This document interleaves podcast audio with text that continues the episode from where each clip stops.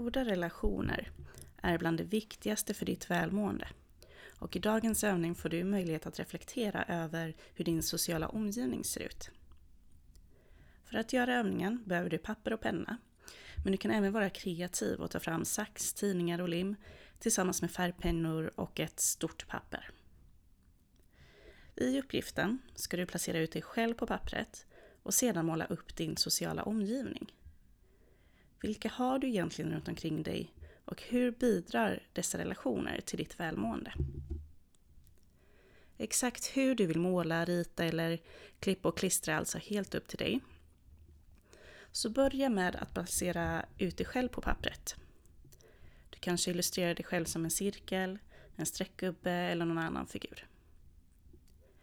Placera sedan ut de områden och personer som finns i ditt liv. Kom ihåg att få med alla delar där du träffar andra människor. Alltså fritidsaktiviteter, arbete, familjen, vänner.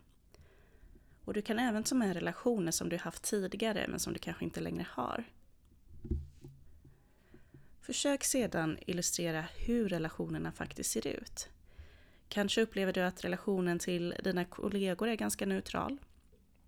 Då kan du rita ett vanligt streck mellan dig och arbetet. Din närmsta vän kanske bidrar till ditt välmående väldigt mycket. Då kanske du ritar den relationen genom att ha ett hjärta mellan dig och vännen.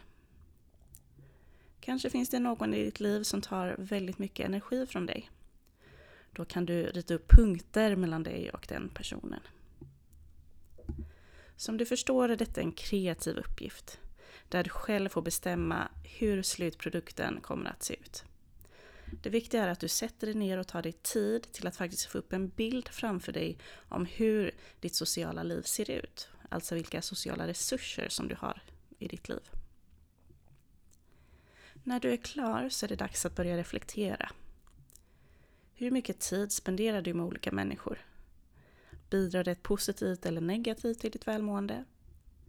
Och vad kan du själv göra för att förbättra vissa relationer?